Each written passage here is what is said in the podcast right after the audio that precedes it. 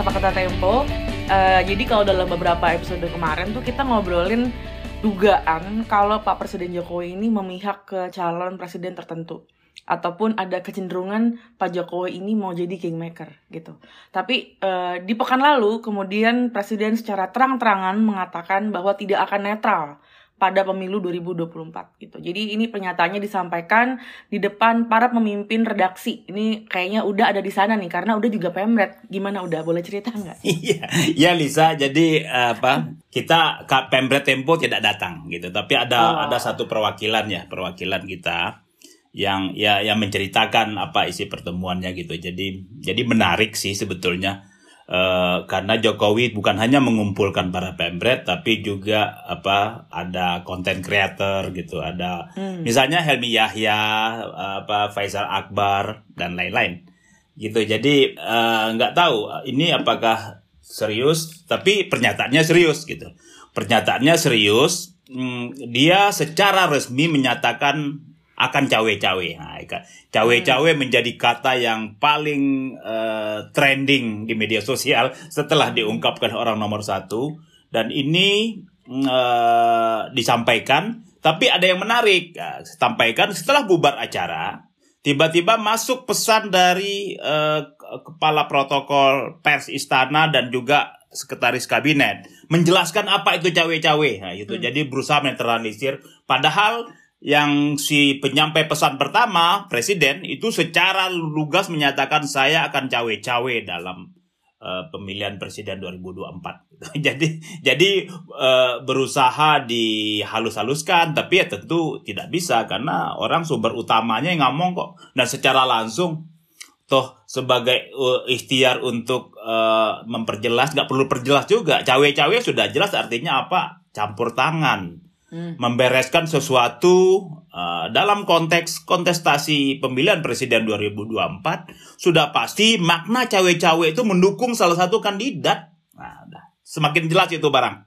Jadi udah um, dengan adanya pernyataan itu berarti sekarang dukungan ke calon Pak Presiden cal kandidat gitu ya udah nggak sembunyi-sembunyi lagi ya udah ya iyalah inilah apa uh, cerita cerita cerita yang sejak setahun lalu orang berkali-kali di majalah Tempo juga menurunkan bahwa ada is isyarat Jokowi menjadi kingmaker. Nah, kan kingmaker itu kan sang pengatur segala rupa tuh.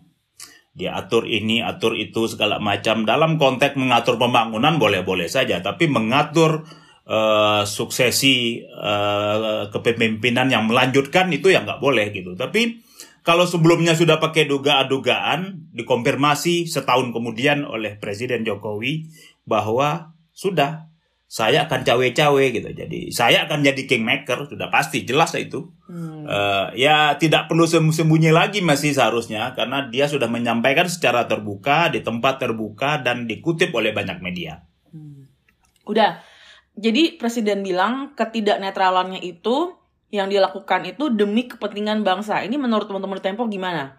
Apakah artinya presiden kita itu nggak percaya dengan kemampuan kita sebagai rakyat memilih pemimpin? Atau gimana udah?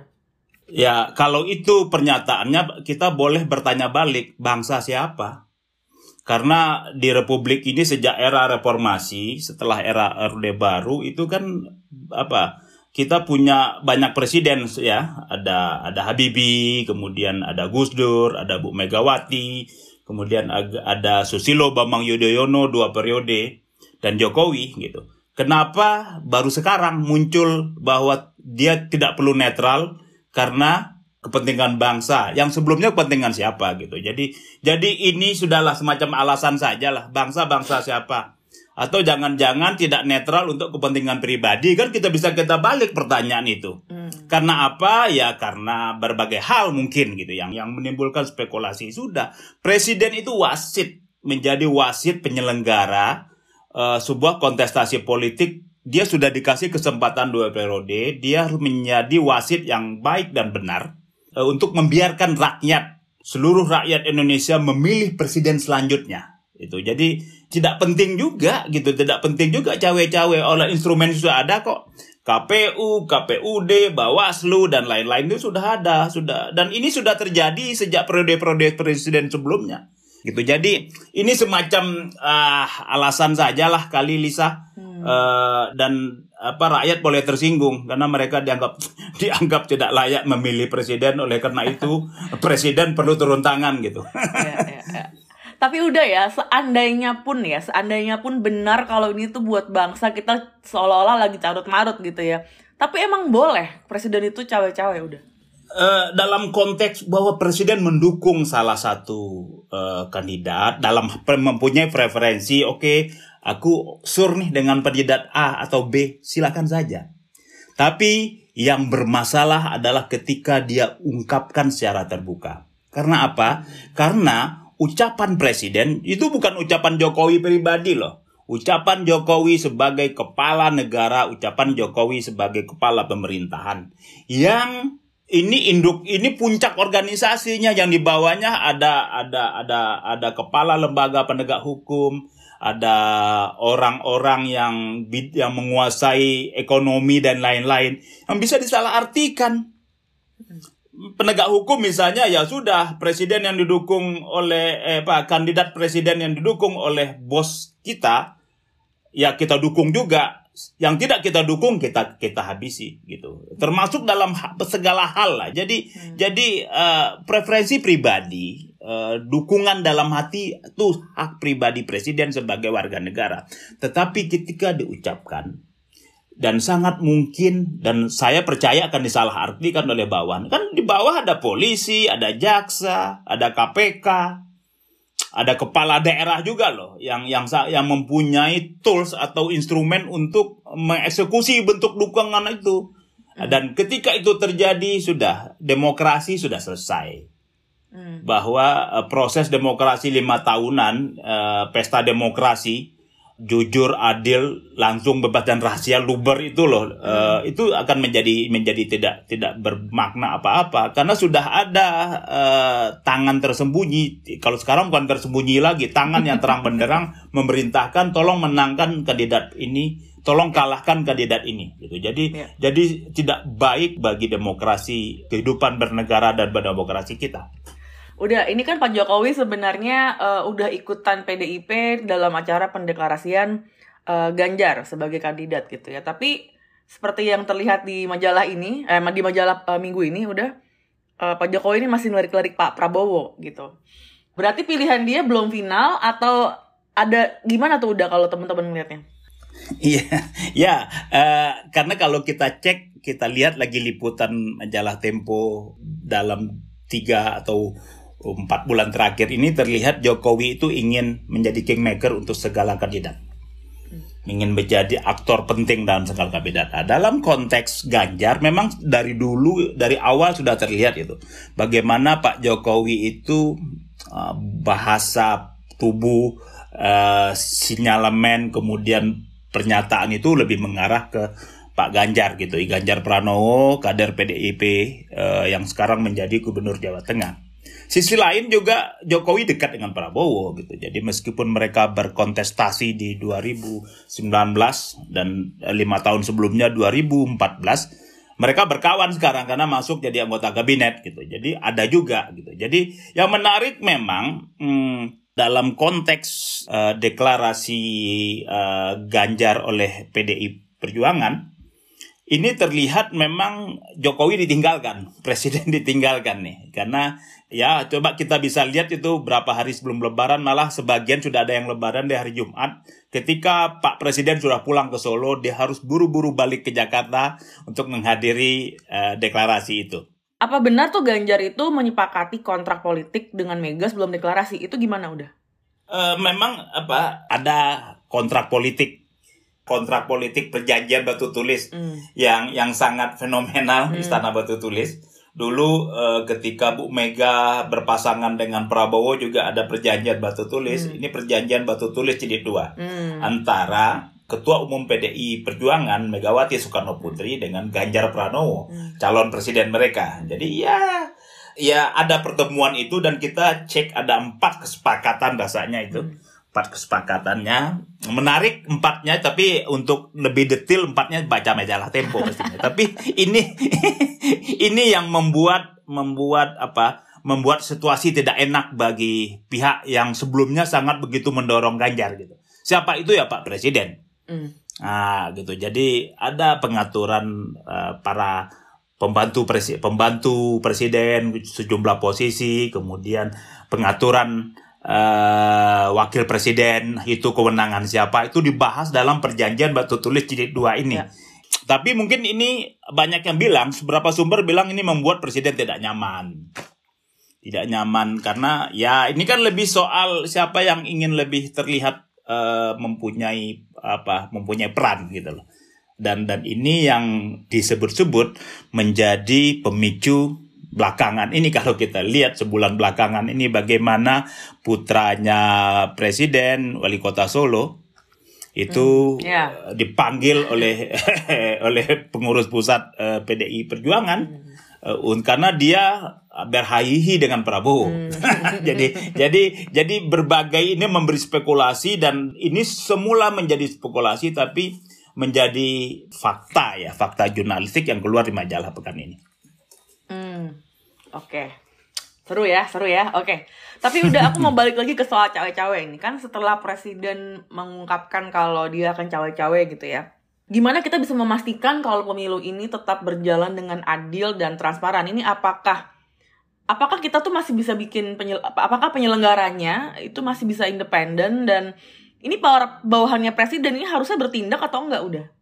Ini yang yang harus apa? Jadi Tempo itu sebagai bagian dari publik. Lisa, uh, istri saya, anak saya, keluarga di kampung, itu seluruh orang tangga itu bagian dari publik. Itu punya harapan sebetulnya agar pemilihan umum uh, eh, 2024 termasuk salah satu bagiannya pemilihan presiden dan wakil presiden itu dilaksanakan secara adil, jujur dan transparan gitu.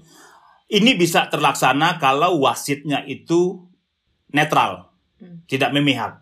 Tetapi kita sudah disuguhi harapan kita ke presiden yang yang orang yang paling bertanggung jawab menjadi pelaksana kontestasi ini agar uh, pelaksana panitia besarnya dialah meskipun turunannya kan ada KPU Komisi Pemilihan Umum. Jadi harapan kita sudah pupus hmm. bahwa presiden akan uh, bertindak sebagai wasit yang adil. Hmm. Tapi tentu kita masih bisa menghimbau kepada bawahannya. Hmm. kepada organ-organ di bawah pejabat uh, aparat penegak hukum uh, penegak hukum dan KPU dan lain-lain.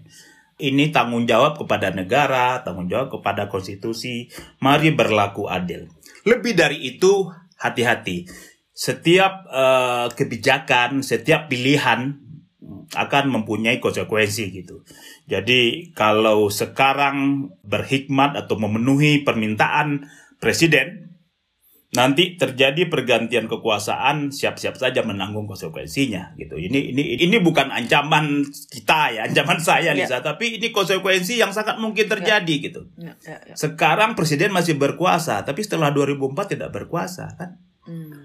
Artinya uh, sejarah akan mencatat dan kemungkinan uh, konsekuensi atas berbagai penyimpangan, berbagai pelanggaran sebagai penyelenggara pemilu yang tidak adil itu mempunyai konsekuensi-konsekuensi yang bisa muncul di belakang hari. Jadi please uh, taat saja kepada aturan, taat saja pada undang-undang dan uh, mari ciptakan sebuah proses kompetisi, proses uh, pemilihan umum yang sehat, jujur dan adil agar apa? Agar harapan terpilih presiden pemimpin yang baru itu uh, terpenuhi gitu. Jadi please deh semua berisiko tolong jangan ambil risiko untuk kepentingan sesaat. Oke. Okay.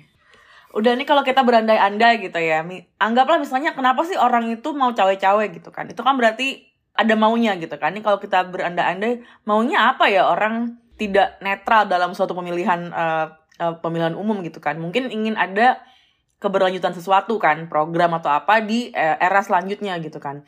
Tapi sebenarnya apakah hanya dengan cawe-cawe doang nih kalau misalnya keinginan itu bisa tercapai gitu?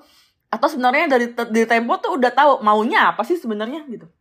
Ya, eh, pasti Lisa, kalau kita lihat bahwa ada kekhawatiran bahwa ide-ide pembangunan, konsep-konsep pembangunan tidak berlanjut gitu. Apa contohnya?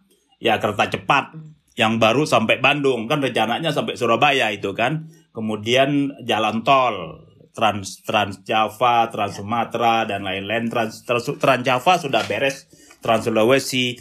Ada yang lebih fenomenal ibu kota baru Nusantara. Jadi uh, ada kekhawatiran tapi lagi-lagi ini tidak boleh menjadi dalih untuk melanggar uh, etika dalam berdemokrasi gitu loh. Jadi jadi misalnya ibu kota baru kan sudah di, sudah dalam bentuk undang-undang. Siapa pun presiden dia harus melakukan itu. Nanti kalau tidak melakukan akan melanggar undang-undang gitu. Tapi tapi lebih dari itu kita bicara manfaat dan mudarat lah. Kenapa presiden-presiden sebelumnya itu ketika dari Bu Mega ke ke SBY itu ya amanah soft aja gitu loh. Begitu juga ketika SBY ke Jokowi soft aja. Kenapa kenapa ketika Jokowi ke siapa pun nanti calon presidennya menjadi ramai karena ada pernyataan yang kontraproduktif, cawe-cawe. Uh, cawe-cawe campur tangan intervensi orang bisa sangat bisa memaknai dengan dengan makna-makna negatif lainnya Oke. Oke, aduh sedih benar. Jadi semoga berita tentang cawe-cawe ini eh, nggak uh, berarti beneran terintervensi udah apa proses pemilunya gitu. Karena kalau udah ikut-ikutan milih penerus ini udah kayak monarki nih kita. Udah lama-lama ada rankingnya udah air to the throne gitu kan. Jadi uh, jadi bukan demokrasi lagi gitu. Um, Oke okay, teman-teman, terima kasih banget yang udah dengerin sampai akhir. Uh, silakan baca laporan tentang cawe-cawe ini di majalah Tempo bisa di aplikasi Tempo. Uh, kalau misalnya mau versi yang lebih promonya ada juga di deskripsi kita di podcast. Dan jangan lupa juga ngobrol-ngobrol sama kita di IG kita di podcast.tempo uh, atau email tuh semuanya ada di deskripsi buat kasih komentar atau mungkin kasih apa ya uh, next week bahas apa dong gitu ya misalnya kayak uh, saran aja saran juga boleh gitu kan. Oke, Lisa sama udah Setri pamit dulu. Kita akan jumpa lagi minggu depan. Take care.